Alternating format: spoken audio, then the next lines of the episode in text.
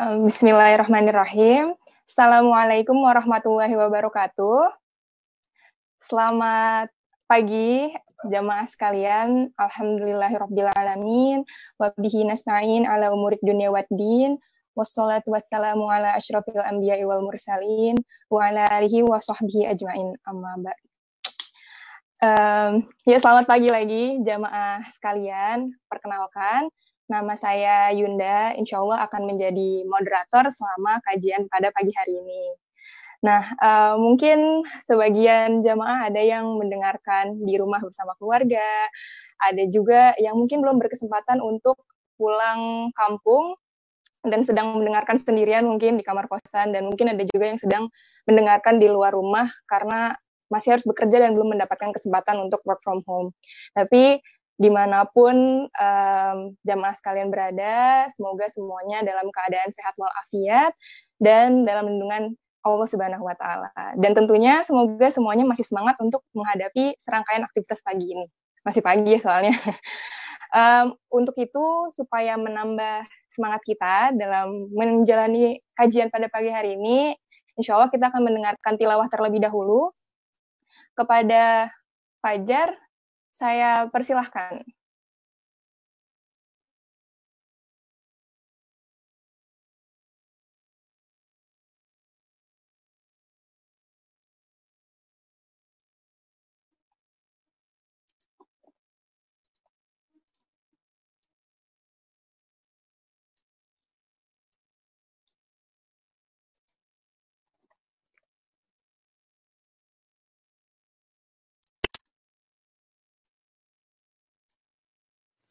أعوذ بالله من الشيطان الرجيم. يا أيها الذين آمنوا قوا أنفسكم وأهليكم نارا. قوا أنفسكم وأهليكم نارا. وقودها الناس والحجارة عليها ملائكة غلاب شداد لا يعصون الله ما أمرهم ويفعلون ما يؤمرون يا الذين كفروا لا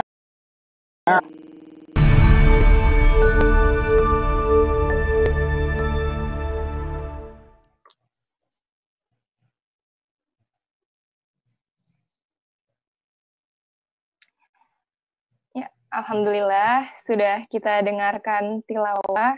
Semoga bisa menambah keberkahan kajian kita pada pagi hari ini. Amin. ya Nah, um, jamaah sekalian, untuk bersama-sama kita meraih keberkahan dengan aneka program Ramadan Salman 1441 Hijriah, um, teman-teman bisa menyalurkan sedekah untuk dakwah Ramadan dan support Salman selama wabah dengan menyalurkan ke rekening virtual account BNI Syariah atas nama sedekah dakwah Salman di running text yang ada di bawah ini.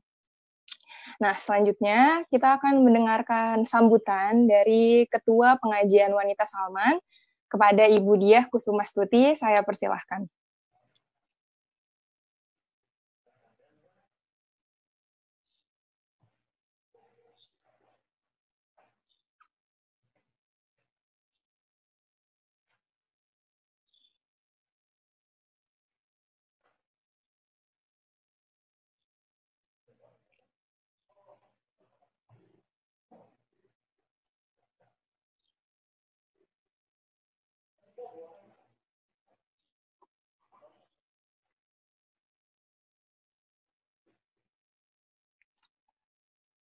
Ya, kita tunggu dulu ya sebentar. Bismillahirrahmanirrahim.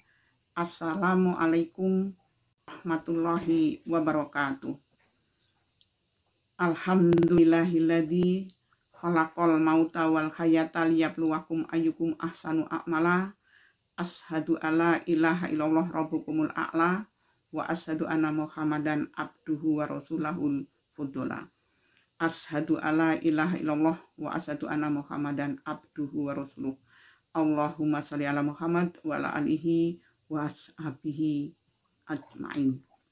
Puja serta puji syukur kita panjatkan kehadirat Allah SWT atas karunia-Nya kita dalam kondisi sehat walafiat sehingga kita masih diberi kekuatan dan kemampuan untuk melaksanakan saum di bulan Ramadan tahun 1441 Hijriah hari yang keempat ini.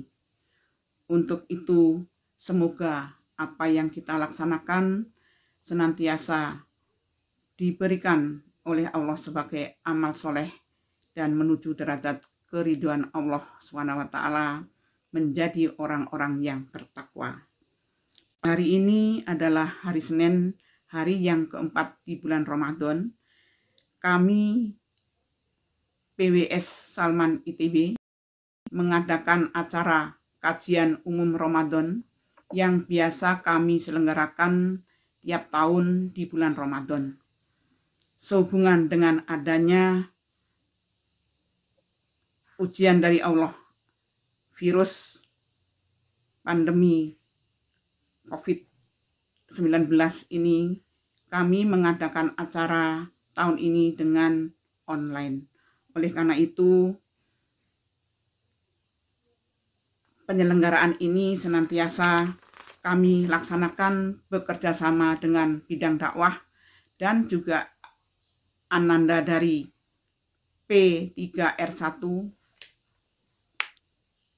yang Alhamdulillah bisa terlaksanakan dengan sebaik-baiknya. Pada kesempatan ini kami mengucapkan rasa terima kasih kepada para pemateri yang telah berkenan memberikan ilmunya kepada kami sekalian. Dari mulai hari pertama ini yang insya Allah akan dibawakan oleh Ibu Dr. Haji Neti Prasetyani MSI sebagai perdana dan juga selanjutnya sampai hari yang ketujuh nanti kami mengucapkan terima kasih teriring doa jazakumullahu khairan kasiron. Ucapan terima kasih yang kedua adalah Bapak Ketua YPM Salman ITB yang telah memfasilitasi dan mendukung acara ini sekaligus berkenan membuka acara ini. Yang ke, selanjutnya Bapak Ketua Bidang Dakwah beserta jajarannya yang telah membantu kami, mensupport kami dalam pelaksanaan yang selanjutnya adalah anak-anak kami dari P3RI yang telah juga aktif sampaikan para jawaban bilahi fi sabilhat. Assalamualaikum warahmatullahi wabarakatuh.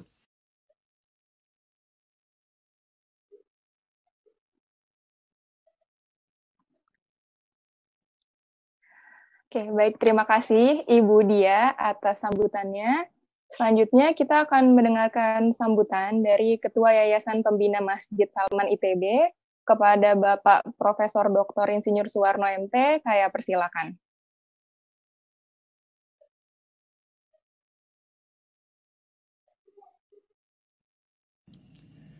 Alhamdulillah. Alhamdulillahirabbil alamin wassalatu wassalamu ala sayyidil mursalin ashabihi ajma'in. Allahumma salli wa sallim wa barik ala sayyidina Muhammadin wa ala alihi wa ashabihi ajma'in. Amma ba'd. Pertama-tama, marilah kita panjatkan puja puji syukur kita kepada Allah Subhanahu wa taala atas segala nikmatnya sehingga kita masih berkesempatan untuk masuki bulan yang kita nanti-nanti, bulan penuh barokah, bulan penuh rahmat, bulan penuh ampunan, bulan suci Ramadan 1441 Hijriah. Kita berdoa mudah-mudahan walaupun dalam keadaan pandemi COVID-19 pada saat ini, kita tetap dapat menjalankan amalan-amalan Ramadan dengan sebaik-baiknya. dan kita dapat menjalankan sunnah sunnah Ramadan untuk menggapai kehidupan yang lebih baik di masa yang akan datang. Pada kesempatan pagi yang mulia ini, saya berkesempatan untuk bersama-sama dengan ibu-ibu khususnya yang mengadakan acara khusus berupa kajian umum Ramadan 1441 Hijriah yang terselenggara atas kerjasama pengajian wanita Salman PWS bersama panitia program Ramadan Masjid Salman. Acara ini akan berlangsung selama tujuh hari, mulai dari tanggal 27 April 2020, insya Allah, sampai tanggal 3 Mei 2020. Acara kajian umum ini terbuka untuk umum dan insya Allah akan disiarkan oleh Salman TV dan berbagai media. Dengan narasumber yang sangat kompeten di bidangnya, insya Allah acara ini akan memberikan manfaat yang sebesar-besarnya untuk kita semua. Judul yang diberikan oleh panitia dari pengajian wanita Salman yang saya terima dari Ibu Diah Kusumastuti adalah menggapai bulan Ramadan yang berkualitas untuk menyongsong masa depan yang gemilang. Ramadan merupakan bulan yang mulia, bulan di mana Al-Quran diturunkan sebagai petunjuk bagi umat manusia dari kondisi yang gelap menuju kondisi yang terang benderang. Maka pada bulan Ramadan ini, marilah kita berbanyak membaca Al-Quran, kita berbanyak mengkaji Al-Quran, kita berbanyak ibadah. Mudah-mudahan walaupun dalam keadaan yang sedang pandemi COVID-19 ini, kita tetap dapat menggapai Ramadan yang sangat berkualitas. Untuk itu, pada kesempatan ini, saya sampaikan selamat atas nama Yayasan Pembina Masjid Salman ITB kepada ibu-ibu dan segenap panitia P3RI yang telah dengan sangat baik merencanakan dan menjalankan program kajian umum Ramadan tahun ini yang dilaksanakan tidak seperti biasanya, yaitu dilaksanakan secara online. Saya bersyukur bahwa panitia telah menyampaikan kepada saya bahwa kajian ini akan diikuti oleh ratusan peserta yang bukan hanya berada di kota Bandung, tapi juga dari kota-kota yang lain. Mudah-mudahan program ini bisa berjalan dengan sebaik-baiknya dan kita semua para panitia dan peserta mendapatkan manfaat yang sebesar-besarnya. Kiranya Allah memberikan kekuatan kepada kita untuk menjalani ibadah-ibadah Ramadan baik pada siang hari maupun pada malam hari dengan sebaik-baiknya dan pada akhirnya kita mendapatkan semua kebaikan Ramadan. Rahmat, barokah, dan ampunan dan pada akhirnya kita akan dijauhkan dari siksa api neraka. Demikian sambutan dari saya atas nama YPM Salman ITB. Sekali lagi selamat. Mudah-mudahan program ini bisa berjalan dengan sebaik-baiknya. Assalamualaikum warahmatullahi wabarakatuh.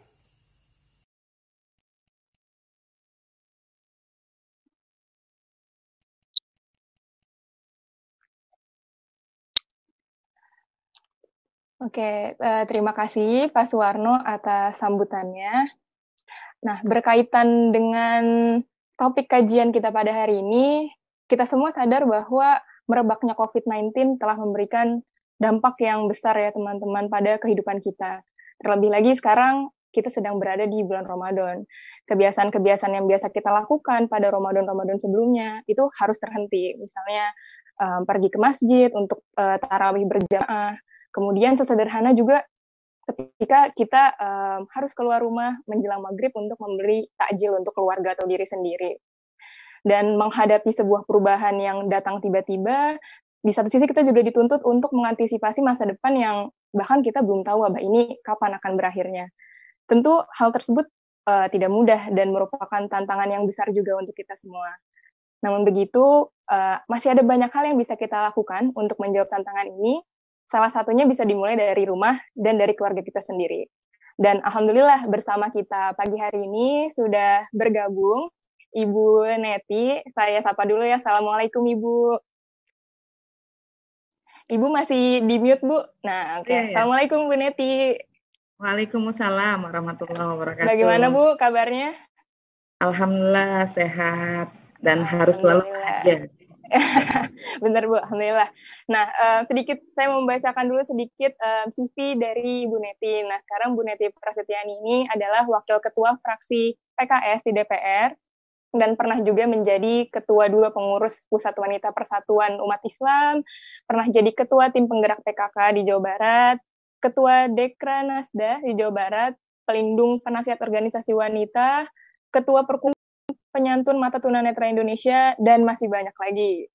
Nah, uh, kalau begitu saya langsung saja mempersilahkan Ibu Neti untuk uh, memulai kajian pada hari ini. Silakan Ibu. Ya, terima kasih Yunda atas kesempatan yang diberikan. Assalamualaikum warahmatullahi wabarakatuh. Alhamdulillah, alhamdulillah rabbil alamin, nahmaduhu wa nasta'inuhu wa nastahdi wa na'udzu billahi min syururi anfusina wa min sayyiati a'malina. May yahdihillahu fala mudhillalah wa may yudlil fala hadiyalah.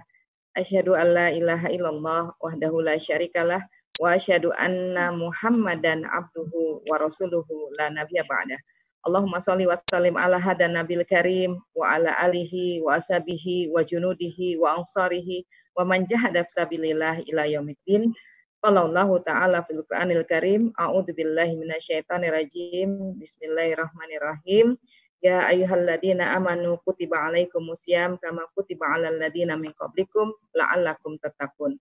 Wa fi ayatil ukhra Ya ayyuhalladzina amanu taqullaha haqqa tuqatih wa la tamutunna illa wa antum muslimun Sadaqallahul adzim yang kita hormati pembina Yayasan Masjid Salman, Bapak Dr. Suwarno yang tadi sudah menyampaikan sambutannya pada kita semua. Sekaligus yang juga hadir bersama kita adalah Ibu Diah Kusumastuti, Ketua Pengajian Wanita Salman.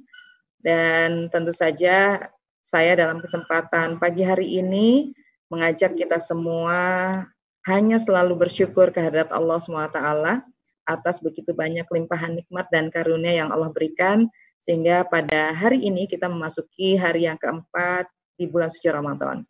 Bulan yang penuh dengan kemuliaan, bulan yang penuh dengan keagungan. Mudah-mudahan apa yang kita lakukan senantiasa bernilai ibadah di sisi Allah SWT. Salat serta salam semoga selalu tercurah kepada manusia terbaik sepanjang zaman Rasulullah Shallallahu Alaihi Wasallam, keluarga dan sahabatnya, dan orang-orang yang senantiasa beristiqomah mengikuti jalan yang beliau bawa.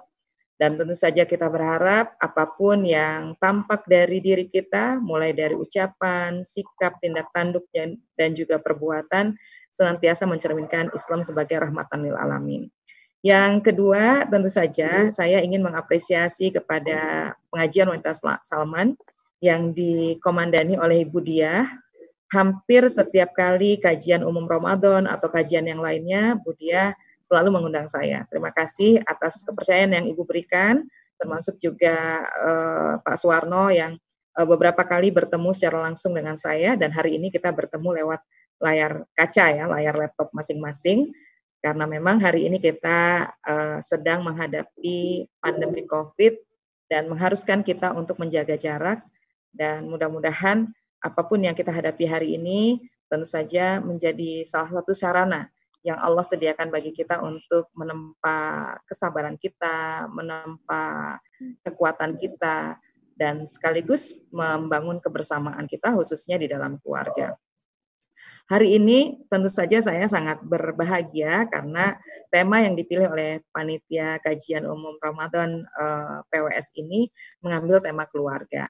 Kenapa? Karena ternyata pada saat tema keluarga ini diangkat sangat relevan dengan situasi yang kita hadapi hari ini. Ya. Kenapa? Karena hari ini kita sedang menghadapi ujian nasional dan bahkan uh, menjadi ujian global ya. Bukan hanya Indonesia yang sedang menghadapi pandemi Covid, tapi juga hampir seluruh negara-negara di dunia menghadapi situasi yang kurang lebih sama.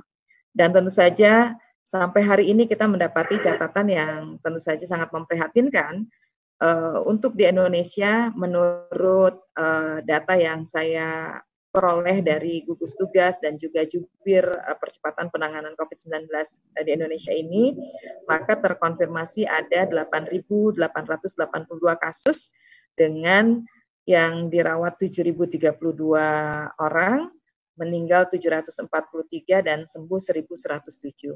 Kita selalu berdoa mudah-mudahan Allah selalu memberikan kemudahan, bimbingan kepada kita semua khususnya pemerintah dan juga tenaga kesehatan yang menjadi garda terdepan untuk bisa menangani uh, kasus COVID-19 yang hari ini menjadi ujian kita bersama. Tentu dalam kajian kali ini saya mencoba ya untuk mengaitkan uh, urgensi dan pentingnya uh, keluarga pada masa kita menghadapi pandemi COVID. Dan sebagai seorang beriman, uh, kita meyakini bahwa ujian apa pun yang datang dalam kehidupan kita adalah sebuah cara bagi Allah untuk meningkatkan derajat kita. Mohon kepada panitia jika bisa ditayangkan ada beberapa poin penting dalam uh, materi fungsi ketahanan keluarga dalam menghadapi, menghadapi pandemi COVID ini, sehingga mudah-mudahan para peserta yang hadir pada pagi hari ini bisa mengikuti apa yang saya sampaikan. Dan mudah-mudahan ini menjadi satu uh, panduan bagi kita untuk bisa mengisi hari-hari Ramadan meskipun kita berada pada uh, situasi pandemi Covid.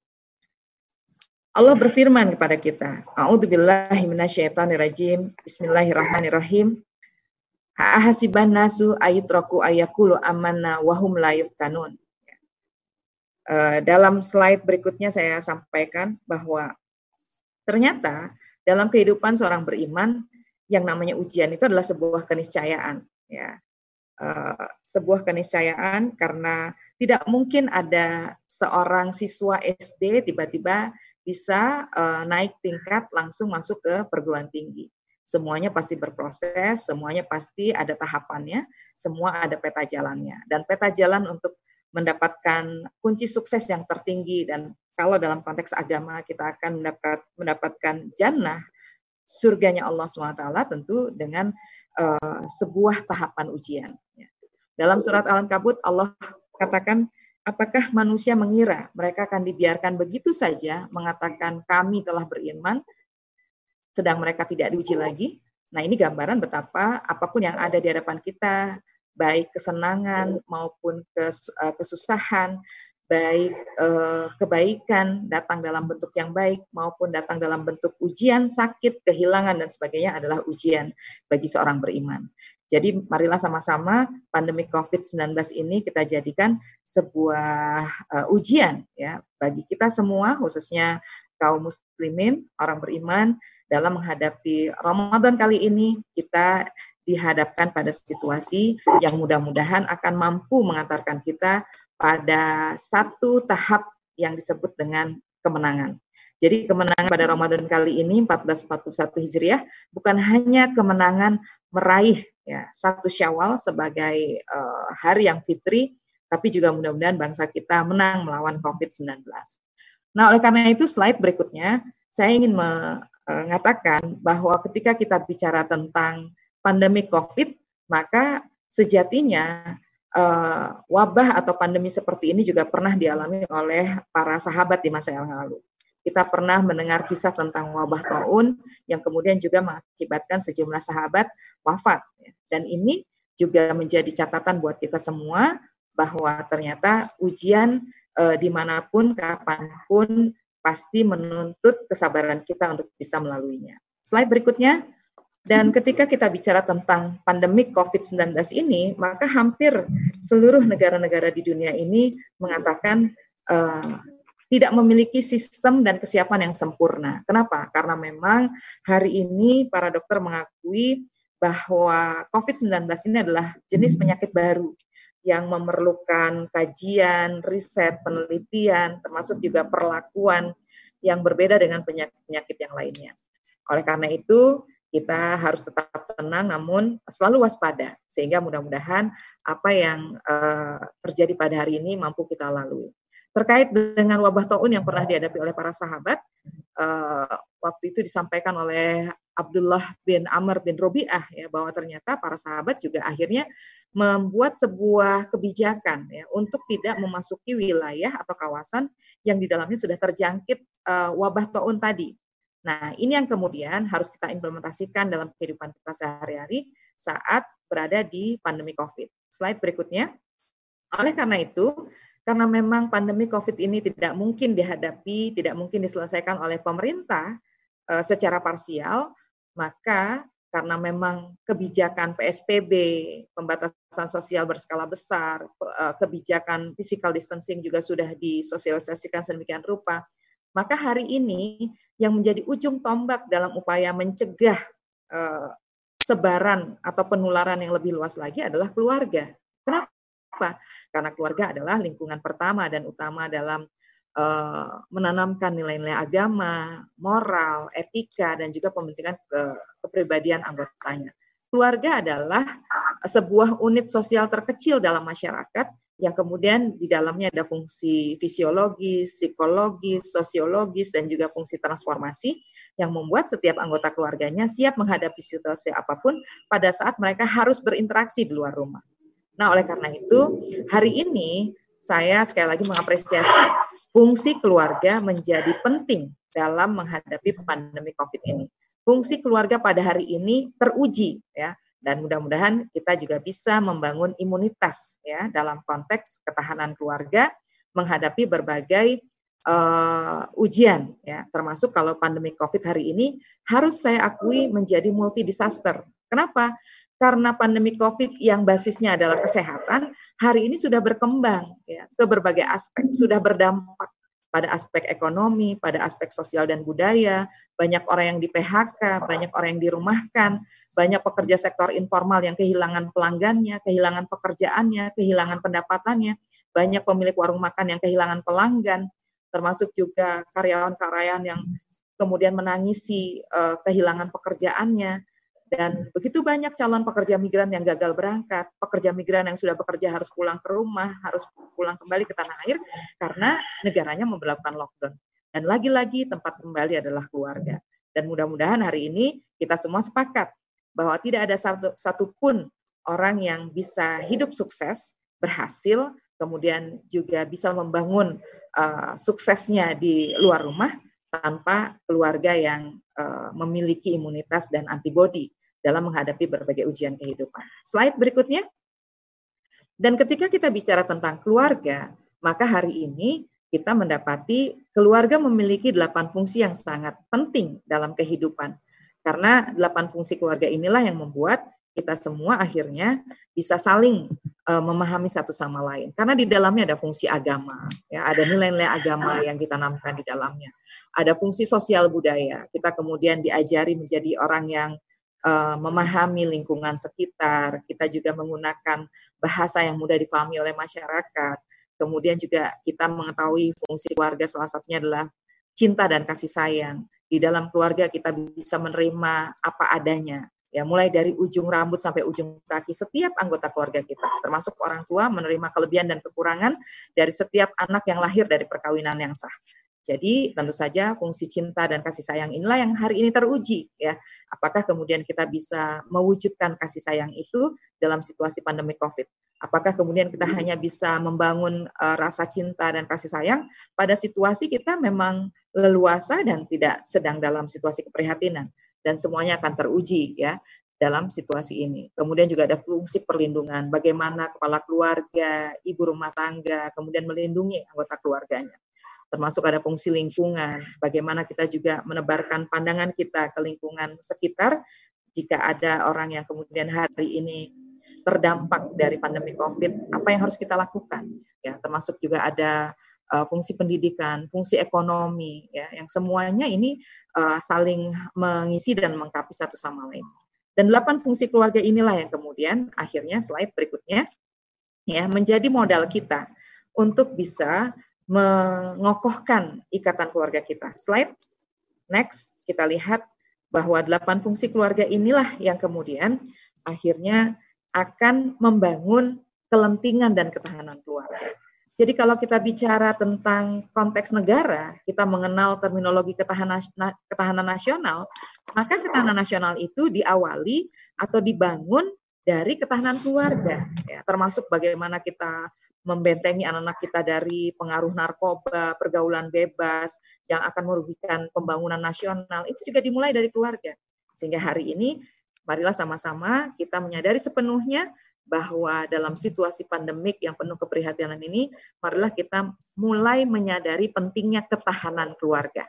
Jadi bukan hanya ada ketahanan nasional dan bukan hanya ada lembaganya, lembaga ketahanan nasional yang mendidik para calon pemimpin bangsa agar memiliki imunitas menghadapi berbagai tantangan dari luar ya.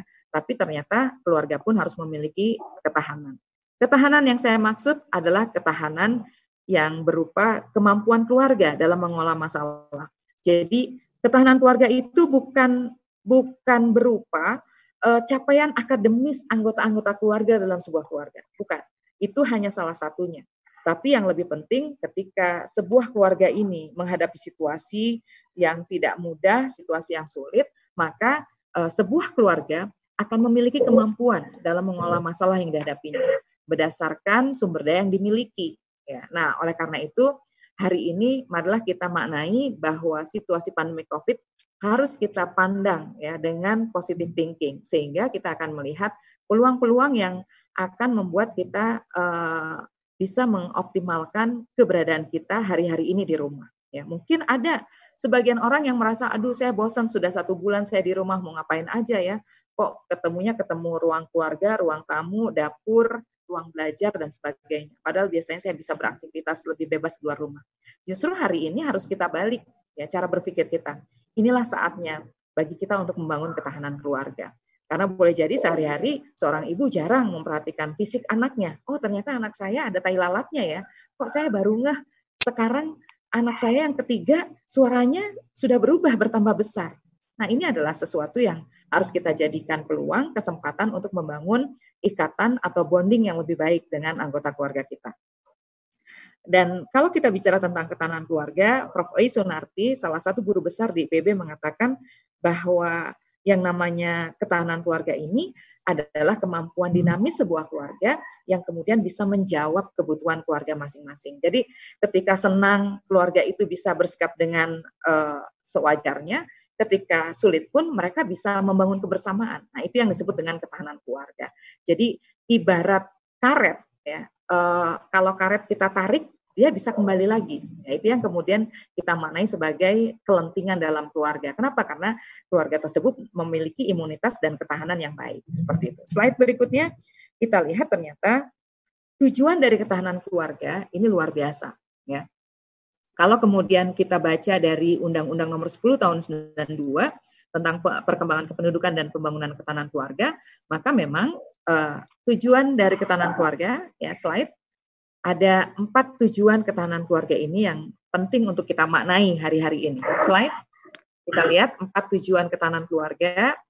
Yang pertama, ya, bahwa ketahanan keluarga ini akan menciptakan keluarga yang tangguh. Jadi ketika ada anggota keluarga yang susah kita bisa memberikan support, ketika keluarga mendapatkan prestasi kita tidak menjadi jumawa. Jadi keluarga kita tangguh dalam situasi apa pun. Termasuk juga kemudian kita bisa mengoptimalkan ya, fungsi keluarga yang tadi saya sebutkan ada delapan fungsi keluarga, maka bisa kita optimalkan. Kenapa? Karena semuanya kita butuhkan. Cinta, kasih sayang, perlindungan, reproduksi, pendidikan, sosial budaya, perhatian pada lingkungan sekitar termasuk juga yang paling penting yang membingkai keseluruhan fungsi eh, fungsi keluarga adalah nilai agama. Termasuk berikutnya mewujudkan pembangunan manusia Indonesia secara emosional dan spiritual. Kenapa? Karena keluarga adalah modal sosial terkecil ya dalam proses pembangunan nasional.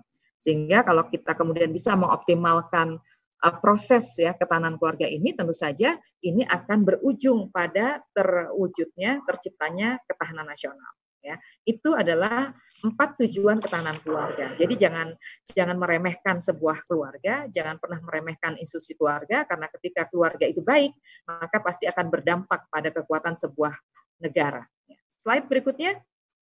Nah kira-kira ketika kita bicara tentang uh, konsep pendekatan ketahanan keluarga maka apa yang harus kita lakukan? Ya, BKKBN dalam hal ini sudah memberikan uh, guidelines bagi kita bahwa ketika kita membangun ketahanan keluarga ada empat ya ada empat hal yang harus kita lakukan. Yang pertama, keluarga berkumpul. Jadi jangan kemudian kita merasa bosan ketika keluarga itu berkumpul. Justru ketika keluarga berkumpul, kita sedang membangun bonding, kita sedang membangun ikatan. Boleh jadi kemarin ikatan kita, intensitas kebersamaan kita berkurang. Kenapa? Karena yang satu kos, yang satu bekerja di luar kota, kemudian yang satu pulang sering kali malam hari sehingga kita jarang sekali berinteraksi secara fisik. Kalaupun hari ini kita bisa, bisa berinteraksi, interaksi kita kebanyakan dimudahkan oleh teknologi dan alhamdulillah hari ini kita punya kesempatan untuk berkumpul dengan keluarga. Termasuk ketika berkumpul, kita punya kesempatan untuk berinteraksi satu sama lain. Kita mendalami perasaannya, kita mendalami emosinya, bagaimana seseorang mengambil keputusan, bagaimana seseorang mengolah arahnya itu terlihat dan ternyata kita banyak belajar dari keluarga. Oh ternyata kakak yang paling sulung adalah uh, sosok yang dermawan, sementara yang nomor dua perhitungan dan sebagainya itu kita dapatkan dari interaksi keluarga. Dan tentu saja dari interaksi ini kita akan berupaya untuk membangun keluarga yang memiliki indeks keberdayaan lebih baik begitu. Kenapa? Karena indeks keberdayaan inilah yang akan mempengaruhi proses pembangunan nasional ya. Hari ini kita mendapati angka kemiskinan, angka pengangguran masih sangat tinggi. Jadi kalau kemudian setiap keluarga ini memiliki indeks keberdayaan yang lebih baik, maka tentu akan berkontribusi pada proses pembangunan nasional. Kita akan menjadi keluarga yang memiliki filosofi tangan di atas lebih baik daripada tangan di bawah.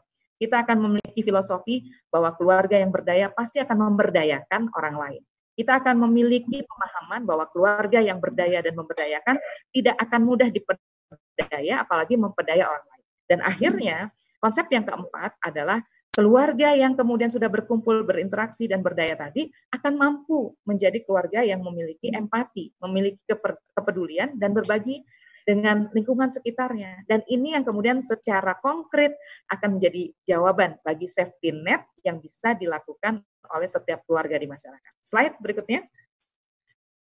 Nah, oleh karena itu, ketika kemudian sebuah keluarga sudah memiliki empat pendekatan tadi, berkumpul, berinteraksi, kemudian juga berdaya, berbagi, maka kita melihat ada sebuah uh, life cycle bahwa sebuah keluarga tidak mungkin keluar dari sebuah lingkaran masyarakat dan masyarakat ini akan menjadi kontributor-kontributor yang saling uh, menguatkan untuk membangun konsep ketahanan nasional ya. Jadi artinya kalau kemudian lingkaran keluarga ini dipenuhi dengan ketahanan, kelentingan, imunitas, dan antibodi, maka kita berharap masyarakat pun akan terkena imbasnya.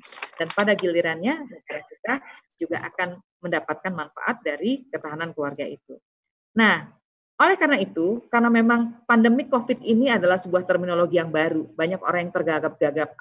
Memang, ada yang terinfeksi. Apakah memang betul virus corona itu bisa tertangkal dengan uh, cuci tangan pakai air dan sabun. Apakah betul kita harus me menjaga jarak saat ini? Ternyata inilah peran penting seorang kepala keluarga. Slide berikutnya. Jadi kira-kira dalam situasi keprihatinan di bulan Ramadan ini apa yang bisa dilakukan oleh sebuah keluarga?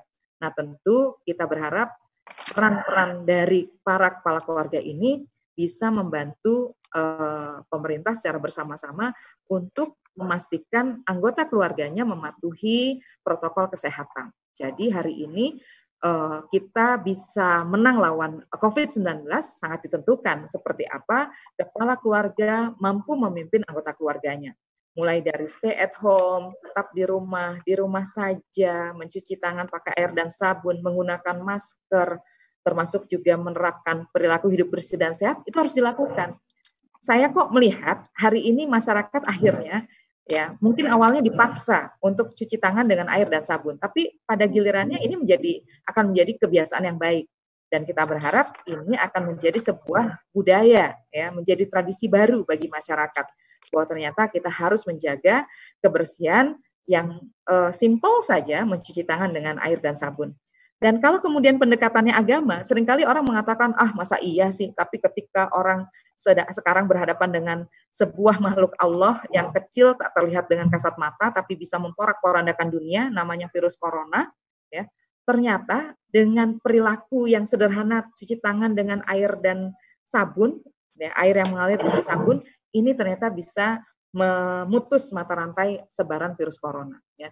Dan ini akan menjadi salah satu tolak ukur keberhasilan kita memerangi virus corona dari dalam rumah ya. Dan saya ingin memberi catatan teman-teman. Ternyata profil uh, keluarga di Indonesia menurut BKKBN hampir 51 persen kepala keluarga di Indonesia adalah lulusan SD dan bahkan tidak bersekolah. Dan ini yang kemudian menjadi keprihatinan kita bahwa ternyata masih banyak di antara tetangga kita, lingkungan masyarakat kita yang kemudian uh, kepala keluarganya memang tidak memiliki tingkat pendidikan yang memadai sehingga sekedar cuci tangan pakai air dan sabun, kemudian harus menerapkan perilaku hidup bersih dan sehat itu harus terus kita ingatkan. Dan mudah-mudahan dalam situasi seperti ini eh, kegiatan yang dilakukan oleh eh, kajian umum Ramadan oleh PWS Salman ini tentu akan eh, bermanfaat bagi kita semua. Ada sebuah pelipat gandaan, ada sebuah diseminasi, diseminasi informasi yang masif dilakukan untuk masyarakat. Slide berikutnya, ketika kita bicara tentang apa yang bisa kita lakukan dengan dengan keluarga kita, maka hari ini kita punya uh, sebuah uh, kesempatan untuk banyak melakukan aktivitas uh, kebersamaan. Kita yang tadinya bekerja di sebuah kota, kuliah di luar kota, hari ini kita berkumpul ya. Kita bisa bekerja bersama, belajar bersama, beribadah berjamaah. Bahkan hari ini biasanya tarawih kita lakukan di masjid, ya masjid-masjid kita penuh bahkan sampai luber di luar-luar masjid. Hari ini ternyata kita dipaksa ya oleh situasi untuk bisa membangun ya sebuah ketaatan bersama-sama di dalam rumah. Dan mudah-mudahan ini juga semakin meningkatkan kualitas ketaatan kita kepada Allah SWT. Kepala keluarga melihat bagaimana anaknya melaksanakan ibadah selama ini apakah perlu dilakukan evaluasi, ditingkatkan kembali. Itu ternyata Allah berikan ya kesempatannya selama pandemi Covid ini. Termasuk juga hari ini karena memang kita memiliki keterbatasan dan halangan, namun kita punya kesempatan banyak untuk masak bersama, menyiapkan sahur bersama, menyiapkan buka bersama. Yang biasanya kita me, me, memberikan kesempatan itu pada orang lain ya, pada asisten rumah tangga yang ada di rumah. Tapi hari ini kita bisa terlibat. Kenapa? Karena memang semuanya berkumpul. Bahkan menentukan menu berbuka puasa itu apa, itu bisa kita lakukan bersama-sama gitu ya. Nah, ini beberapa hal yang tentu saja harus kita ambil maknanya secara positif. Yang berikutnya, ketika kita bicara tentang uh, situasi pandemi Covid, uh, bukan hanya keluarga yang harus membangun ikatan, tapi juga keluarga yang mampu membangun kesiapan. Kenapa? karena di luar sana mungkin ada tetangga kita, masih kerabat jauh kita yang hari ini terdampak secara langsung oleh situasi pandemik ini. Ya banyak keluarga yang mengeluhkan keterbatasan ekonomi, yang kemudian kehilangan pelanggan, supir drive apa, driver online, supir angkot, ya, kemudian buruh bangunan dan sebagainya, banyak yang sudah menjerit bagaimana caranya untuk melanjutkan kehidupan. Nah, ini tentu juga menjadi satu uh, tantangan ya uh, ketika kita berhadapan dengan COVID-19. Termasuk dilepaskannya 30 ribu napi dengan maksud ya yang tujuannya mulia agar tidak terjadi penularan di dalam lembaga pemasyarakatan. Namun ternyata karena memang uh, mereka dilepaskan dalam timing yang kurang pas, ya sebahagiannya justru melakukan kejahatan berulang ya atau kejahatan yang sama. Nah ini tentu saja juga tantangan yang harus kita hadapi dengan kesiapsiagaan, termasuk kekerasan dalam rumah tangga. Ketika ekonomi terbatas, ketika sebagian di PHK, menurut BKKBN kekerasan dalam rumah tangga meningkat sebanyak 30 persen. Ya, suami marah pada istri, istri nggak bisa membalas kemarahan uh, suami sehingga yang menjadi korban kekerasan adalah anak-anak di dalam rumah. Dan ini tentu saja tidak boleh terjadi untuk keluarga kita dan sedapat mungkin kita juga membantu keluarga-keluarga yang lain untuk bisa uh, keluar dari persoalan ini. Termasuk kesehatan mental karena kita tidak siap termasuk juga tadi keterbatasan ekonomi. Uh, ada banyak orang yang mengalami gangguan kejiwaan ya, stres depresi ya, tanpa tahu uh, tanpa tahu apa yang harus dilakukan untuk menghadapi situasi ini. Dan tentu saja yang paling mengerikan adalah uh, keretakan atau perceraian yang menjadi uh, ujung dari sebuah ketahanan keluarga. Ya. Nah, slide berikutnya, ketika tantangan ini memang uh, tidak bisa kita hindarkan, karena memang gelombang PHK masih akan terus terjadi ya termasuk juga uh, berbagai kejahatan sudah mulai dicermati oleh pihak aparat keamanan slide berikutnya ya. Kita tentu saja sebagai uh, kaum muslimin dan juga hamba yang beriman harus kembali kepada tuntunan agama kita ya. Bagi orang-orang beriman agama adalah tuntunan Mungkin bagi sebagian orang sekarang ada plesetan ya. Agama bukan lagi tuntunan tapi agama adalah tontonan sehingga dia hmm. hanya ada di layar kaca, ada di buku-buku yang kemudian menjadi wisata rohani ya, bukan menjadi nilai yang tertanam dalam diri, keluarga dan kehidupan kita sehari sehari-hari. Nah, oleh karena itu, slide berikutnya kita lihat apa yang harus kita lakukan ketika keluarga menghadapi situasi seperti ini. Maka tentu saja kita harus selalu membangun imunitas berbasis nilai agama. Karena saya yakin dan percaya nilai apa pun yang dibangun ya atas dasar pemikiran manusia suatu hari akan fana, suatu hari akan hilang, suatu hari akan tergantikan dengan pemikiran-pemikiran baru sebagaimana teknologi, sebagaimana ada revolusi industri, sekarang kita memasuki era dis disrupsi. Ya, tapi yang tidak boleh terdisrupsi adalah nilai agama. Nilai agama harus ada dalam kehidupan kita harus ada dalam sepanjang kehidupan kita dan ternyata slide berikutnya bahwa nilai agama yang harus kita ikuti pada hari ini yang pertama tentu saja kita harus mengikuti tuntunan Al-Qur'an dan hadis Rasulullah Shallallahu alaihi wasallam. Di dalam Al-Qur'an disebutkan ya bahwa tidaklah mungkin seorang mengaku beriman tanpa diberikan ujian.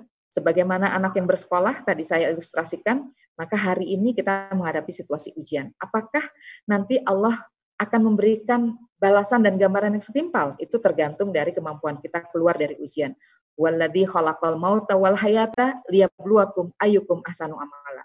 Ternyata dialah Allah yang menjadikan hidup dan mati ini sebagai ujian. Dan akan dia lihat mana yang keluar dari ujian itulah yang kemudian akan mendapatkan balasan yang terbaik dari Allah. Jadi hari ini marilah sama-sama kita maknai ini adalah ujian agar kita bisa lulus dengan nilai terbaik di hadapan Allah SWT. Dan tentu saja poin yang kedua kita harus ikhlas terhadap takdir yang menimpa kita semua. Ya. Ikhlas ini membuat kita ringan. Ikhlas ini membuat kita percaya bahwa sumber kekuatan itu hanya Allah, bukan orang, bukan lembaga. Tapi ketika kita ikhlas pada Allah, maka Allah berfirman, Inna ma'al usri yusra bersama kesulitan ada kemudahan. Catatannya bukan bersama kesulitan bukan setelah kesulitan ada kemudahan, tapi kalimatnya inna ma'al usri yusro. Bukan inna ba'dal usri yusro, tapi inna ma'al usri yusro. Bersama kesulitan ada kemudahan. Nah, lakukanlah uh, husnuzon kepada Allah. Jadi jangan pernah kita mencaci maki. Kenapa sih Allah memberikan ujian seperti ini? Kita nggak akan mungkin menemukan jalan keluar kalau kemudian kepala kita, pikiran kita ditutupi oleh pikiran-pikiran negatif ya. Banyak orang yang sebetulnya memiliki peluang tapi karena memang dipenuhi oleh suudon, dipenuhi oleh pikiran yang negatif, dia nggak akan menemukan jalan keluar ya. Dia akan mencaci uh, dirinya sendiri, dia akan memaki Allah, dia akan menyesali buat apa saya beribadah, percuma saya beribadah selama ini, percuma saya berdoa selama ini seperti itu. Nah, tentu saja Allah uh, dalam hadis kutsinya dikatakan oleh Rasulullah, ini indadoni abdi. Sesungguhnya aku bersama sangkaan hambaku. Jadi kalau kita menyangka baik pada Allah, pasti Allah akan menolong. Allah pasti akan menolong. Ketika kita berjalan selangkah menuju Allah, Allah akan mendekat, mendekat, mendekati kita dengan cara berlari. Dan itu yang harus kita bangun pada hari ini. Ya husnudon, husnudon, husnudon. Tentu saja dengan ikhtiar. Nah, ikhtiar yang juga harus kita lakukan yaitu mengikuti arahan dari pemerintah, mengikuti arahan dari ulama. Jangan kemudian kita nggak takut kok kematian, kita nggak takut sama corona, kan begitu. Tapi ketika kita harus uh, uh, terjemahkan, bukan kita takut sama coronanya, tapi sebagai seorang manusia kita dituntut untuk melakukan ikhtiar menjauhi sumber penyakit, menjauhi gangguan kesehatan, menjauhi hal-hal yang mudorot, menjauhi hal-hal yang bisa merusak diri kita. Ya, nah ini yang kemudian harus kita lakukan ikhtiar basyari. Nah, ketika ikhtiar basyari ini kita lakukan, insya Allah akan bertemu dengan irodah ilahiyah. Nah, yang juga harus kita lakukan, ya, mengikuti arahan pemerintah, ulama dan ahlul ilmi, termasuk juga menjaga kesehatan. menjaga kesehatan diri kita, menjaga kesehatan keluarga kita, ya. Dan ini tentu saja akan membangun sekali lagi tradisi dan budaya baru dalam kehidupan kita, yaitu perilaku hidup bersih dan sehat. Karena perilaku hidup bersih dan sehat 75% akan membangun kualitas dan derajat kesehatan kita. Bukan dokter, bukan rumah sakit, bukan bidan, bukan layanan kesehatan, tapi dimulai dari diri sendiri. Ya. Nah, oleh karena itu slide berikutnya, apa yang kemudian harus kita kuatkan dalam situasi pandemi COVID kali ini? Karena memang kita meyakini keluarga adalah tempat kembali, keluarga adalah pelabuhan kita, keluarga adalah sebuah tempat yang bisa menerima segala kelebihan dan kekurangan kita, maka hari ini yang kita harus yang harus kita lakukan adalah bagaimana caranya kita menyibukkan diri dengan kebaikan. Kita buat target Ramadan bersama keluarga. Kita buat sebuah uh, agenda kebersamaan dengan keluarga. Dan itu yang akan meningkatkan imunitas uh, tubuh kita dan itu yang akan membuat kita selalu bergembira selalu ada optimisme, selalu ada rasa bahagia ketika kita melakukannya bersama keluarga. Saya meyakini bahwa Ramadan ini memberikan optimisme buat kita. Mau percaya? Coba kita kita buktikan. Setiap orang sahur uh, di pagi hari sebelum fajar. Tapi kenapa kemudian ibu-ibu kaum perempuan selalu belanja dan menyediakan makanan untuk berbuka? Padahal belum tentu kita bertemu dengan maghrib tapi itulah Ramadan. Ya Allah hmm. membangun optimisme hambanya lewat Ramadan sehingga setiap hari ada harapan, ada optimisme untuk bertemu waktu maghrib, bertemu dengan hari kedua, ketiga, keempat, dan hari-hari berikutnya sampai hari kemenangan yaitu satu syawal. Itu optimisme. Nah, selain optimisme berarti kita juga harus menjaga silaturahim. Tentu silaturahimnya bukan lagi secara fisik ya. Silaturahim dengan menggunakan teknologi, silaturahim seperti yang hari ini kita lakukan, lewat kemudahan teknologi kita bisa membahas berbagai hal tentang fungsi keluarga ya. Eh, silaturahim dengan keluarga di luar kota dan tentu saja himbauan pemerintah untuk tidak mudik ini juga bisa kita maknai ya silaturahim dengan jarak jauh seperti itu. Dan tentu saja yang lebih penting itu dibangun lewat ketahanan keluarga yang memiliki imunitas dan juga kelentingan keluarga. Oleh karena itu, terakhir saya ingin menyampaikan bahwa ternyata dalam Islam panduannya sudah sangat jelas bahwa apa pun yang Allah timpakan pada diri kita pada hari ini ya bukanlah tanpa pengetahuan Allah. Justru apa yang menimpa diri kita pada hari ini sudah tertulis di Lauhul Mahfud. Jadi ini adalah sebuah takdir yang harus kita terima, kita terima dengan penuh keikhlasan dan kemudian kita mencoba membalikkannya dengan positive thinking, dengan husnudon. Slide berikutnya kita lihat bahwa ternyata dengan panduan agama, dengan nilai agama yang kita yakini, ya mudah-mudahan kita bisa membangun sebuah keluarga yang memiliki ketahanan mental spiritual, keluarga yang kemudian hari ini kita membangun rasa konoah kita, ya. Kalau kemarin mungkin kita bisa uh, seminggu dua kali jalan-jalan di mall, kemudian kita bisa makan sambil tertawa uh, bersama teman-teman. Hari hari ini kita memaknai bagaimana situasi keprihatinan dengan konaah ya, uh, dengan makan tetap yang bergizi, yang sehat, tapi tidak berlebihan. Kemudian juga kita membangun ketahanan sosial kita, bahwa yang kita makan ini ada hak orang lain. Mungkin kita mulai menoleh ke kanan, ada tetangga kita yang menjadi tukang ojek, kekurangan uh, pelanggannya. Kemudian juga ada tetangga kita yang hari hari ini suaminya uh, terkena PHK. Kita bangun ya ketahanan sosial, ketahanan psikologis untuk saling mendukung satu sama lain. Seperti itu. Nah, slide berikutnya ketika ketahanan ini sudah muncul karena memang sehari-hari kita bertemu dengan keluarga, ayah, ibu, anggota keluarga, anak-anak, kerabat yang memang ada di rumah itu, maka mudah-mudahan ya ini akan menjadi ketahanan komunal ya di masyarakat kita ya. Saya katakan ini kenapa? Karena memang sebetulnya uh, the real teamwork itu adalah keluarga. The real teamwork adalah keluarga. Kalau organisasi mungkin bisa berganti susunan pengurus, bisa berganti pimpinan, bisa berganti anggota, bisa bertukar posisi. Tapi di keluarga, ya kita akan menemukan siapa kepala keluarganya, siapa yang kemudian juga menjadi pengasuh pendidik utama di keluarga itu. Jika setiap rumah adalah sekolah, dan setiap orang adalah guru, maka ibu adalah pendidik yang pertama dan utama di sebuah keluarga. Jadi kita bangun teamwork di rumah kita. Slide berikutnya. Ketika kita sudah menjadi teamwork, maka mudah-mudahan sekali lagi kita bisa membangun kelentingan keluarga. Ada rasa saling percaya, ada harapan, ada hubungan emosional yang dekat. Mungkin kemarin yang masih remaja mencari identitas diri kurang dekat, kurang dekat dengan orang tuanya, ini kesempatan yang sangat baik bagi orang tua menjadi sahabat bagi anak-anak. Termasuk uh, bagaimana uh, gaya yang dibangun setiap keluarga ini tentu akan terus bisa diperbaiki dalam situasi pandemi Covid ini.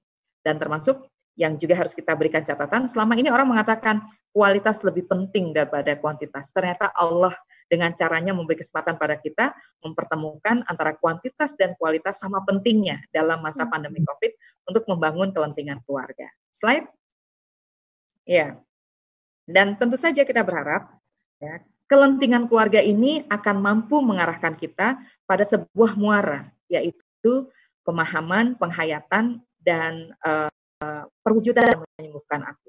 Itu agama. Lagi-lagi ketika kita menghadapi situasi masalah, kita ingat lebih dulu adalah Allah. Allah dulu, Allah lagi, dan Allah terus. Ya. Nah ini yang kemudian juga harus kita bangun dalam keluarga kita. Dan apa pun yang terjadi, ya hari ini kita menghadapi situasi penuh keprihatinan, sebahagiannya menjadi pasien, sebahagiannya kehilangan keluarga, bukan hanya pasien tapi juga tenaga kesehatan, dokter dan sebagainya. Eh, kita yakini itu adalah ketentuan dari Allah SWT dan tidak ada yang pernah sia-sia ya khususnya untuk para tenaga kesehatan, para dokter dan juga perawat yang kemudian menjadi garda terdepan, mari sama-sama kita doakan agar mereka menjadi pejuang kemanusiaan yang memperoleh husnul khotimah. Dan bagi keluarga yang ditinggalkan, semoga mereka mendapatkan kekuatan, kesabaran untuk melanjutkan kehidupan yang lebih baik di masa yang akan datang. Dan lagi-lagi hari ini kita harus menempatkan agama sebagai bingkai dalam kehidupan kita menghadapi situasi paling sulit. Ya. Kalau kemudian hari ini kita mengeluh, toh selama ini sudah belasan tahun kita hidup dengan penuh keleluasaan, toh sudah begitu lama kita hidup dalam kesenangan. Kalau kemudian hari ini kita dalam tanda kutip dipaksa untuk bertahan, bersabar dalam rumah, maka maknailah bahwa Allah memberi kesempatan pada kita untuk membangun uh, baiti janati. Rumahku adalah surgaku kita diberi kesempatan untuk bisa membangun keluarga yang bahagia, kita diberi kesempatan untuk membangun keluarga yang kompak, keluarga yang solid, dan mudah-mudahan pada akhir dari Ramadan ini kita betul-betul akan menjadi keluarga yang memiliki imunitas dalam menghadapi bukan hanya wabah kesehatan, pandemi COVID, tapi juga bisa keluar sebagai pemenang dalam setiap situasi kehidupan yang tidak mudah. Itu kira-kira yang kemudian harus kita mengenai pada hari ini. Dan akhirnya saya sekali lagi berterima kasih kepada panitia kajian umum Ramadan dan juga uh, pengajian wanita Salman, ada Budiah, ada Pak Dr. Suwarno, ya, dan juga teman-teman uh, semua yang sudah memfasilitasi uh, kajian umum Ramadan ini. Mudah-mudahan hari ini kita menyadari sepenuhnya keluarga adalah unit sosial terkecil yang menjadi garda terdepan untuk bisa mencegah dan menangkal berbagai virus, bukan hanya virus corona, tapi juga virus kehidupan. Sehingga mudah-mudahan kita akan menjadi kontributor peradaban sekaligus menjadi soko guru peradaban, dimulai dari keluarga. Akhirnya kita semua meyakini ya ayyuhalladzina amanu ku anfusakum wa ahlikum naro. Mudah-mudahan dengan cara seperti ini kita bisa memastikan bahwa kita sedang menjaga keluarga kita dari cilatan api neraka. Dan mudah-mudahan lewat pengajian Wanita Salman kita akan mendapati begitu banyak keluarga yang bisa memberdayakan diri dan keluarganya dan juga memberdayakan lingkungan dan masyarakat. Itu saja mungkin yang bisa saya sampaikan sebagai pemantik diskusi. Mudah-mudahan semuanya akan memberikan manfaat, utamanya bagi diri saya sendiri. Dan di hari uh, keempat bulan Ramadan ini saya mengucapkan selamat menunaikan ibadah puasa. Mudah-mudahan kita bisa memaknai Ramadan kali ini menjadi Ramadan yang terindah karena kita bisa membangun kepedulian terhadap sesama. Demikian, bila taufik wal hidayah, wallahu muwafiq ila Assalamualaikum warahmatullahi wabarakatuh. Waalaikumsalam warahmatullahi wabarakatuh. Terima kasih banyak Bu Neti atas uh, penyampaian materinya. Um, saya akan merangkum lagi ya Bu, sedikit mungkin ada uh, jamaah yang tadi belum berkesempatan untuk mendengarkan. Jadi um, sebagai Muslim tujuan terbesar kita kan adalah mencapai surganya Allah ya. Dan untuk mencapai ke sana itu ada prosesnya dan pasti harus melewati ujian-ujian juga. Dan salah satunya mungkin adalah pandemi COVID-19 yang sedang kita hadapi bersama saat ini, secara global bahkan ya. Dan upaya-upaya yang dilakukan untuk menghadapi tantangan ini ada banyak, mulai dari sudah dilakukannya PSBB, kemudian juga um, hashtag di rumah aja, dan kalau menurut Bu Neti, ujung tombaknya dari upaya untuk uh, menghadapi COVID ini justru ada di keluarga. Nah, um, dengan di rumah aja ini kan um, kita di rumah ya uh, bersama keluarga pasti akan punya waktu yang lebih banyak untuk uh, bertemu satu sama lain. Dan semoga kita bisa memaknai ini sebagai momen kebersamaan untuk mengoptimalkan ada tadi delapan fungsi keluarga dan hingga juga bisa mencapai ketahanan keluarga gitu.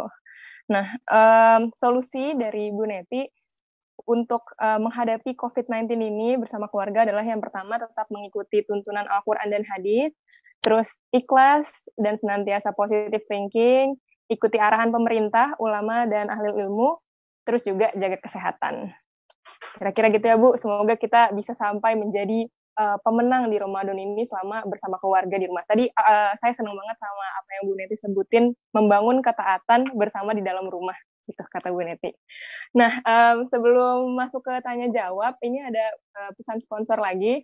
Jadi uh, Masjid Salman selama PSBB ini juga uh, sedang menghimpun dana untuk menyalurkan APD bagi tim medis um, COVID-19. Saya sendiri di Bandung. Bagaimana menyikapinya karena tidak bisa berkumpul, mungkin hingga Idul Fitri nanti.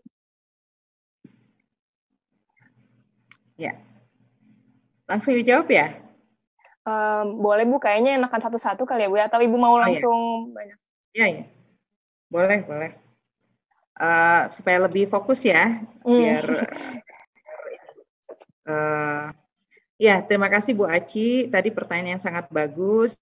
Uh, gimana caranya dengan situasi pandemi COVID ini? Justru saya harus long distance ya uh, dengan keluarga, khususnya anak menantu uh, sebagian di luar kota, sementara kita sendiri ada di sini. Nah, tentu ini lagi-lagi harus kita manai sebagai sebuah ujian ya. Ketika biasanya kita menyelenggarakan silaturahim Syawal atau kemudian buka bersama ya. Ini kalau silaturahim Syawal udah udah di ujung Ramadan ya. Buka bersama keluarga, termasuk juga kumpul keluarga. Dan hari ini kita harus menahan diri uh, tentu saja mari sama-sama kita manai bahwa ini adalah ujian kesabaran ya. Dan ternyata ketika kita bicara tentang sabar, Rasulullah mengajari kita ada banyak hal ya yang harus kita sabari ya. Yang pertama sabar dalam ketaatan ya, kemudian sabar dalam meninggalkan kemaksiatan. Sehingga kalau kemudian hari ini kita harus bersabar berjauhan dengan keluarga, yang mudah-mudahan itu masuk dalam kategori sabar dalam ketaatan ya. Ketaatan untuk uh, menjaga kesehatan diri kita itu juga menjadi salah satu uh, nilai di hadapan Allah gitu. Kalau kemudian kita melanggar uh, aturan pelarangan mudik atau kemudian melanggar peraturan PSBB dan berdampak jauh lebih besar, tentu ini tidak diinginkan oleh Allah dan Rasulnya. Rasulullah mengatakan uh, kebaikan yang lebih baik adalah kebaikan yang panjang dan berkesinambungan. Jadi kita maknai bahwa hari ini uh, kita diperintahkan untuk bersabar. Ya mudah-mudahan ketika situasi pandemi COVID ini mengalami pelambatan ya penularannya dan insya Allah akan decline, akan turun. Ya dalam waktu yang tidak terlalu lama kita akan bertemu lagi dengan dengan keluarga. Dan hari ini mari maknai uh, pembatasan ini dengan uh, mengoptimalkan teknologi ya. Jadi kalau tadi Bu Aci bilang saya berjauhan ya, maka hari ini kita uh, punya kemudahan lewat teknologi. Kita bisa FaceTime, kita bisa video call ya.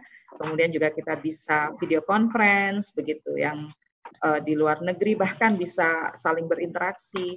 Jadi uh, jangan sampai kita tenggelam dalam kesedihan yang terlalu dalam karena itu juga akan berdampak pada imunitas kita ya. Justru harus kita bangun uh, kebahagiaan kita keceriaan kita dan selalu positive thinking sehingga insya Allah kita sehat dan pada waktu yang nanti sudah diperbolehkan kita bisa bertemu dan berkumpul lagi dengan keluarga.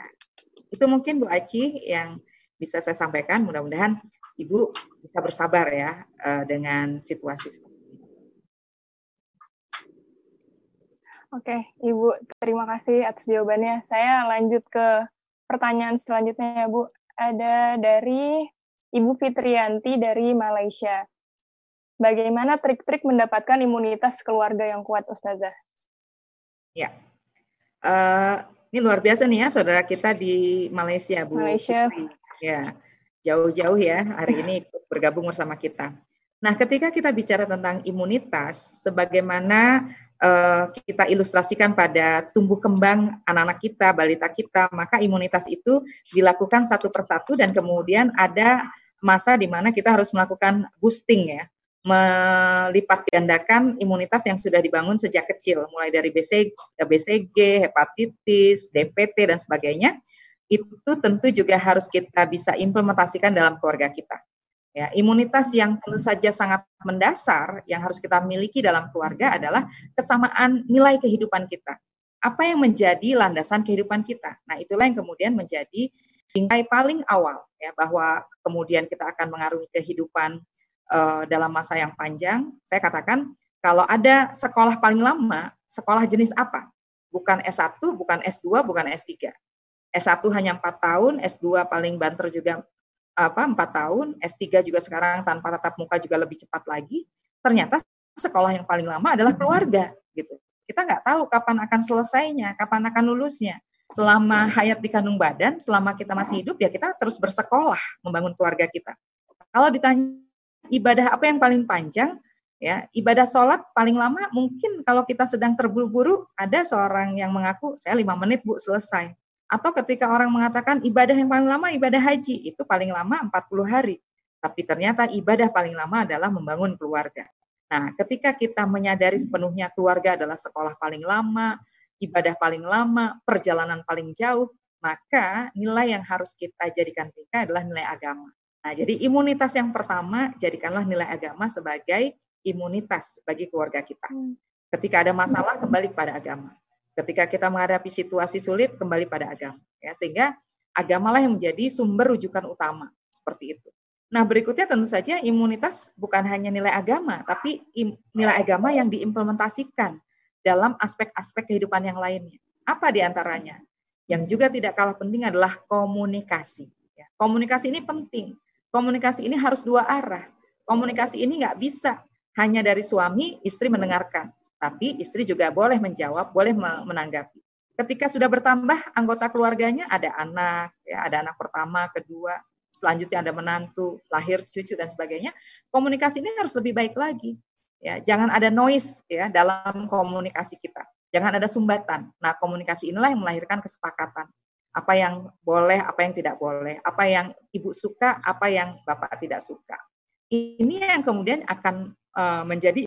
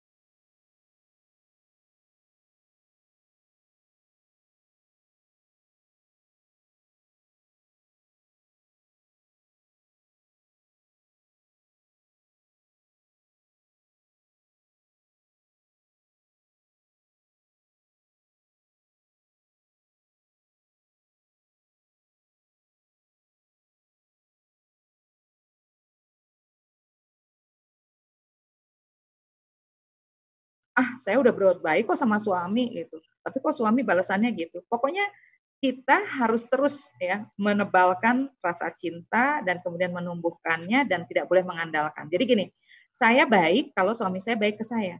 Saya akan melakukan A kalau suami melakukan B pada saya. Atau sebaliknya kata suami ya saya akan uh, melakukan ini kalau istri saya melakukan itu nah dalam hubungan keluarga kita nggak boleh saling mengandalkan karena kita bukan pedagang pasar yang menghitung untung dan rugi ya karena kita bukan juga penumpang angkot yang bisa turun di sembarang tempat. Nah, mudah-mudahan kalau kemudian nilai agama uh, menjadi landasan kita, komunikasinya lancar, terus direvitalisasi, terus diperbaiki, dan kemudian kita bisa menumbuh suburkan cinta yang Allah uh, berikan pada kita terhadap pasangan kita. Yang berikutnya jangan pernah saling mengandalkan. Dan kalau perlu kita contoh bagaimana Rasulullah mengatakan I love you setiap hari pada istrinya. Ya, kalau dulu memang nggak pakai kata I love you, tapi artinya uh, pernyataan cinta itu harus diberikan, harus dinyatakan. Entah dengan perlingan mata, entah dengan setangkai bunga, dengan sebatang coklat, dengan ungkapan yang memang lugas, itu harus dilakukan. Dan mudah-mudahan kalau ini bisa kita lakukan, tidak ada masalah besar dalam kehidupan uh, sebuah keluarga, kecuali kita bisa mengatasi dan melewatinya. Seperti hmm. itu. Ya, berarti bentuk imunitas dalam keluarga tidak melulu um, ini ya Bu, kayak vaksin dan segala macam, tapi bahkan sikap dan afeksi itu juga mempengaruhi keluarga ya. Betul.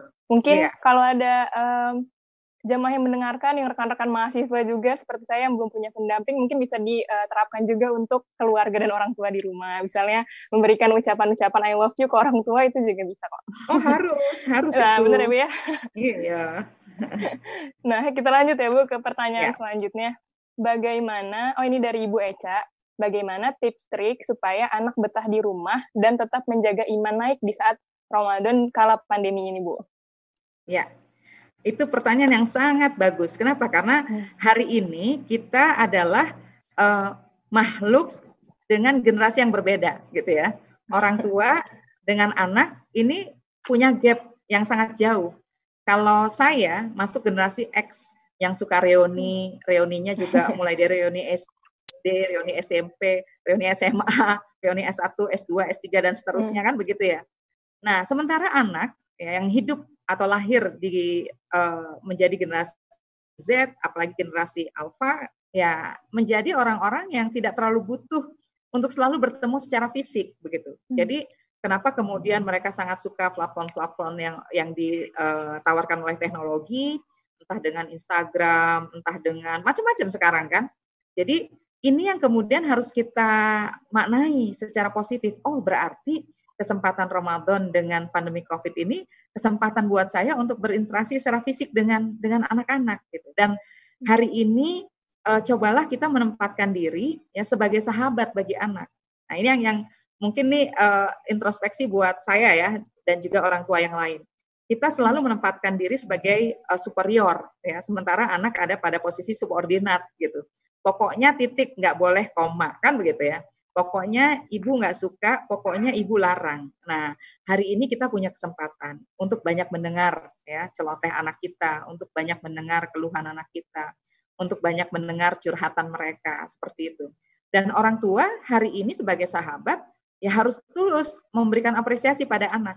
Kan orang tua itu baru bisa memuji anak kalau nilainya bagus gitu ya.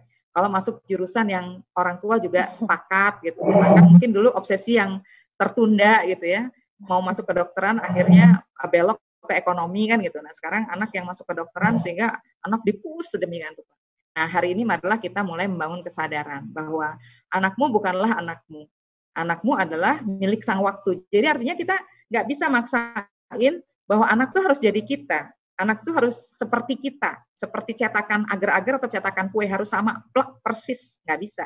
Nah oleh karena itu yang harus dilakukan orang tua adalah optimalkan setiap potensi yang ada pada anak. Nah, gimana caranya? Berarti kita harus mengidentifikasi dengan cara menjadikan diri kita sebagai sahabat. Kamu seneng nggak hari ini di rumah gitu? Kamu seneng nggak hari ini masakan mama, masakan ibu seperti itu? Kita dengarkan pendapat mereka dan jangan ragu untuk memuji mereka. Ya, ibu senang kamu bersikap baik hari ini. Ibu senang banget uh, setiap hari ketemu sama kamu gitu. Jadi jangan justru kalimat-kalimat atau ungkapan yang negatif.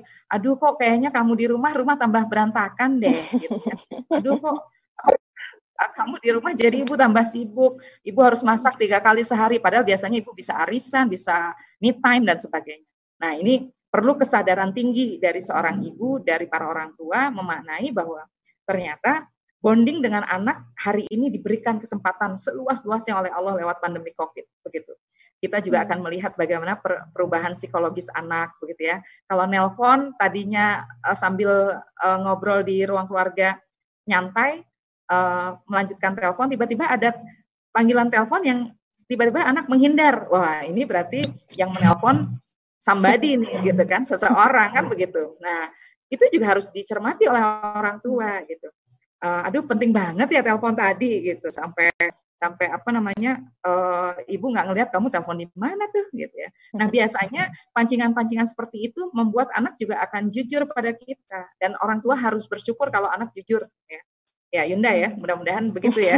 Jadi kalau anak saya, jujur pada orang tua itu harus diapresiasi. Ibu kenapa ya kok aku suka sih sama teman aku yang pinter? Ya kita harus bersyukur.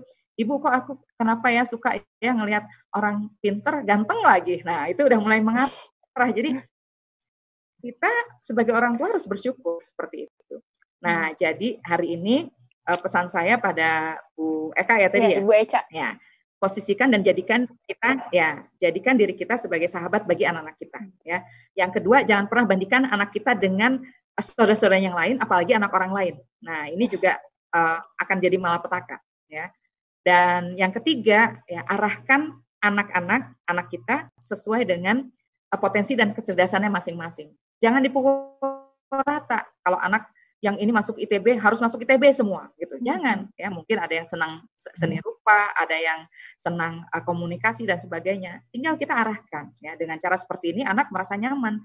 Jadi anak nggak merasa tertekan. Ah aku kalau pulang ke rumah udah nggak pernah dipuji, pasti ditanya nilaiku bagus apa enggak kan begitu ya. Dan kemudian uh, ibu selalu menitipkan obsesi-obsesi yang tertundanya dulu seperti itu. Hmm. Nah, mudah-mudahan kalau gap ini bisa kita tingkatkan, bahkan bisa kita hindarkan, insya Allah anak betah di rumah, ya. Hmm. Kenapa? Karena anak merasa rumah itu menjadi tempat yang paling nyaman, gitu ya. Ibu selalu mengapresiasi, ibu selalu memotivasi, ibu selalu hmm. mendorong, ibu memberikan kesempatan padaku seperti itu. Itu mungkin Bu Eka hmm. tipsnya mudah-mudahan uh, bermanfaat. Ada tanggapan lagi ini Bu dari Bu Eca kata Bu Eca, kalau untuk anak yang sedang di kosan, gimana Bu perlakuannya? Apakah harus khusus seperti memberikan semangat moral dan dukungan atau gimana Bu? Ya, tentu uh, pada umumnya sama, tapi dalam konteks terpisah secara jarak, terpisah fisik, maka kita harus punya beberapa strategi ya. Sekarang kan ada video call ya. Kita boleh dong sekali-kali ngecek anak ya eh, dengan video call. Jadi kita akan lihat siapa sih yang ada di kamarnya kan hmm. begitu atau situasi kamarnya seperti apa. Kalau saya secara pribadi punya dua anak yang uh, sekarang uh, memilih tinggal di kos ya karena memang lebih lebih efektif uh, perkuliahan. Nah itu saya sering ngecek misalnya malam video call gitu ada siapa tuh? Itu ada tetangga kamar aku bu, gitu belajar bareng. Oh ya, siapa? Coba dong, boleh dong ibu mau ngomong gitu. Oh, oh ini namanya ini bu, gitu. seperti itu. Jadi uh, tentu saja untuk yang di kos kita harus punya perhatian yang lebih, lebih dalam arti bukan membedakan si anak menjadi lebih istimewa, bukan. Tapi penjagaan kita lebih baik begitu. Kenapa? Karena uh, terpisah secara jarak ini kita nggak bisa melihat perubahan fisik gitu. Kita nggak bisa melihat secara langsung seperti apa uh, pola interaksi anak kita dengan teman-teman. Nah, kalau kemudian strategi itu bisa kita optimalkan dengan kehadiran teknologi, bagus sekali. Ya, kemudian yang kedua, uh, untuk anak yang di kos, uh, sesekali bolehlah kita menjemput atau mengantarkan, sehingga kita bisa memastikan seperti apa situasi kamarnya. Kalau di rumah kita bisa langsung me melakukan supervisi ya. Ih, ini kok baju kotor masih tertinggal ya. Gitu. Tapi kalau di kos kan nggak bisa gitu ya. Nah, sesekali dengan uh, ikut menjemput atau mengantar pulang kembali ke kos, kita bisa melihat situasi kamarnya, situasi kamar mandinya, uh, rak bukunya, pakaiannya, ya mungkin dengan dengan sebuah alibi, uh, ya ampun anak ibu repot banget ya kuliahnya sibuk ya sampai nggak sempet sini ibu bantu gitu ya. Nah seperti itu. Nah ketika kita melakukan itu sekaligus kita memberikan contoh pada anak kita, oh nanti nyusun buku ini begini, nyusun baju ini begini, membersihkan kamar mandi itu seperti ini. Nah, itu menurut saya juga perlu dilakukan. Termasuk yang tidak kalah penting, Bu Eca, adalah mengecek apa menu yang dikonsumsi sehari-hari. Biasanya anak kos, sebagaimana kita ketahui pada umumnya, anak kos itu cari yang gampang. Ya. Udah telat makan, cari yang murah meriah, murmer. Ya. Dan pasti cari lagi yang lebih simple, lebih instan ya. Benar nggak Yunda ya yang pernah kuliah? Pasti begitu ya. Akhirnya kalau ditanya udah makan belum? Udah. Ya masih kuliah. Hmm. Makannya apa? Tadi udah makan sih pakai Indomie kan begitu ya. Nah hal seperti ini harus menjadi perhatian kita. Jadi jangan sampai lulus empat tahun turun berat badannya dan bahkan mengalami uh, kekurangan gizi, kekurangan nutrisi. Nah ini bahaya ya. Kenapa? Karena anak kita harus tetap sehat, Suatu hari dia akan menjadi istri, suatu hari dia akan menjadi suami, kepala rumah tangga, dan suatu hari mereka akan menjadi orang tua yang harus melahirkan generasi yang sehat, generasi yang lebih baik kepada generasi-generasi sebelumnya. Seperti itu, Bu Echa. Oke, terima kasih Bu. Satu pertanyaan terakhir ya Bu, ini dari Ibu Rahmani. Ya. Saya sempat mendengar kalau bisa di rumah ada majelis seperti ceramah singkat, tadarus atau diskusi. Nah, bagaimana cara memulainya ya, Bu? Ya, uh, Bu Rahmani, ini pertanyaan yang sangat bagus dan mudah-mudahan menjadi inspirasi bagi kita semua ya, bahwa hmm. ternyata ketika Ramadan ini kita nggak boleh ke masjid, melakukan ibadah di rumah, terawih di rumah, segala sesuatu di rumah, justru ini kesempatan bagi kita untuk mengoptimalkan potensi dari sumber daya yang ada di rumah, seperti itu. Misalnya, kalau memang kita punya anak yang beranjak dewasa, boleh dong setelah uh, ayahnya yang jadi imam, keesokan harinya ditawarkan pada anak untuk untuk bergantian menjadi imam, ya. Atau kemudian kita bisa bergantian uh, membuat jadwal kultum. Dan ini sudah coba kita lakukan di rumah. Ya, saya secara pribadi dengan anak-anak juga seperti itu. Karena memang ada anak saya yang sedang uh, mondok dan kemarin sempat dipulangkan ya karena sebelum PSBB sempat dipulangkan, maka uh, kita memberi kesempatan pada pada anak saya yang yang bungsu itu untuk mengulang hafalannya. Caranya gimana supaya mengulang hafalan? Ya apa? Kamu jadi imam seperti itu. Nah itu juga bisa kita lakukan. Atau mungkin kalau belum sampai uh, jadi imam atau kemudian kultum, kita bisa uh, tadarus bersama. Tadarus ini manfaatnya yang pertama kita bisa saling memperbaiki bacaan kita. Kita bisa mendengarkan bagaimana anak kita membaca uh, surat-surat dalam Al-Quran dengan iklab, dengan ikhfa, dengan uh, idgham dan idhar yang benar, dengan makhraj yang benar, seperti itu. Tanpa harus memanggil uh, guru tasin atau guru ngaji ke rumah, kita bisa saling memperbaiki kualitas bacaan kita, ya. Termasuk tadi kalau memang memungkinkan, ya nggak usah anak-anak deh, ibu dan bapaknya bergantian kultum. Setelah sholat isya, menjelang sholat tarawih, ya hari ini bapak, keesokan hari ibu ya. Itu tentu akan lebih lebih mendalam dan bermakna. Kenapa? Karena biasanya orang tua akan mengangkat eh, tema-tema uh, yang sangat dekat dengan kebutuhan keluarga ya, seperti itu. Misalnya kita akan mengangkat tema uh, ukhuwah Islamnya ya. Kita akan mengangkat uh, tema ta'awun, saling tolong menolong sehingga uh, antara kakak dengan adik, antara saudara yang satu dengan saudara yang lain ini akan mendapatkan pencerahan dari kultum-kultum yang temanya sangat dekat dan menjadi kebutuhan kita seperti itu. Jadi silakan dicoba Bu siapa tadi yang ter, ter, Bu Rahmani ya. Ini silakan dicoba ya kalau bisa uh, bergantian Bapak dengan Ibu atau mungkin ditawarkan pada anak yang paling sulung ya termasuk bergantian memperbaiki bacaan lewat tadarus bersama seperti itu. Hmm. Itu mungkin Jadi bisa ya Bu, dimulai bersama-sama dari rumah ya Bu? Ya, betul sekali. Ibu, di grup WhatsApp ini banyak jamaah yang bertanya apa materinya boleh di-share di grup. Itu boleh gak Bu? Boleh, boleh, oh, boleh. dengan senang hati ya, boleh. Ya. Siap, ntar insya Allah udah dikirim saya minta ya. panitia sebar, ya. Ya. Nah, oke okay, Bu, kalau gitu sudah um, kita sudah dapat lima empat empat ya empat pertanyaan hari ini. Alhamdulillah terima kasih banyak Bu Nete atas um, sharingnya tentang fungsi ketahanan keluarga dalam COVID-19 ini. Um, Ibu ada closing statement terakhir nggak Bu dari Ibu? Iya. Untuk para jamaah. Uh, saya ingin menyampaikan bahwa cinta sejati itu adalah jatuh cinta berkali-kali pada orang yang sama. Nah, mudah-mudahan hmm. situasi pandemi, pandemi COVID kali ini membuat kita jatuh cinta berulang-ulang pada keluarga kita dan akan mempertahankan keluarga kita menjadi keluarga yang solid, keluarga yang tangguh dalam situasi apa pun. Maka hari ini kesempatan bagi kita untuk membangun keluargaku adalah surgaku. Keluargaku adalah tempat kembaliku. Keluargaku adalah pelabuhan hidupku. Itu mungkin closing statement dari saya. Mudah-mudahan kita bisa bertemu pada lain kesempatan dengan gelombang kebaikan yang sama. Ya, uh, Assalamualaikum warahmatullahi wabarakatuh. Ya, Waalaikumsalam warahmatullahi wabarakatuh.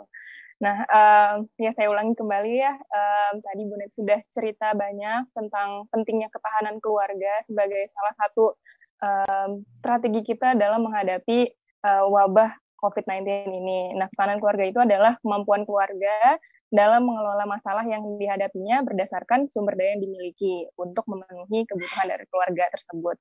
Nah, solusinya tadi dari Bu Neti ada lima, jangan lupa tetap berpegang pada Al-Quran dan hadis, tetap ikhlas, positive thinking, terus ikuti arahan pemerintah, um, ulama, dan ahlul ilmu, dan yang terakhir adalah tetap jaga kesehatan. Insya Allah kita bisa menghadapi wabah COVID ini, dan terutama sekarang lagi di bulan Ramadan, semoga kita bisa memenangkan Ramadan sampai ke um, Syawal nanti dan bisa um, selesai dari wabah ini. Amin ya robbal alamin.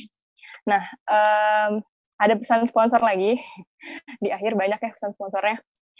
Um, untuk jamaah yang ingin mendukung kampanye follow for donate dari Badan Wakaf Salman, jamaah bisa memfollow akun Instagram at wakafsalman.itb. Nanti untuk setiap follow itu dia itu jamaah berdonasi senilai Rp5.000 untuk satu buah follow bagi pengadaan APD untuk tenaga medis. Nah, nanti um, APD ini akan disalurkan melalui Jabar Quick Response. Um, Jabar Quick, Quick Response adalah mitra resmi lembaga sosial Pikobar. Nah, nanti donasinya juga bisa di teman-teman bisa lihat nomor rekeningnya di running text di bawah ini lagi. Terus insya Allah um, besok akan ada kajian umum Ramadan lagi sama jam 9 pagi. Itu uh, jamaah bisa lihat di uh, Instagramnya P3RI Terus uh, bisa juga masuk ke WA grupnya itu nanti akan ada di oh ditampilin ya, ya akan ada di posternya tersebut gitu. Kalau begitu um, cukup sekian um, ujian umum Ramadan hari ini. Semoga bermanfaat untuk jamaah sekalian dan sekali lagi terima kasih juga untuk Bu Neti. Um, saya Yunda, mohon maaf apabila ada kesalahan kata-kata. Wassalamualaikum warahmatullahi wabarakatuh.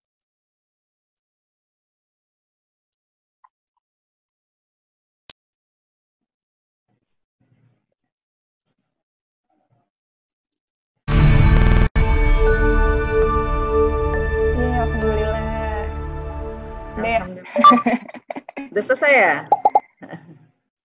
Satu setengah jam Bu, nggak berasa ya Bu? Oh iya ya? Alhamdulillah.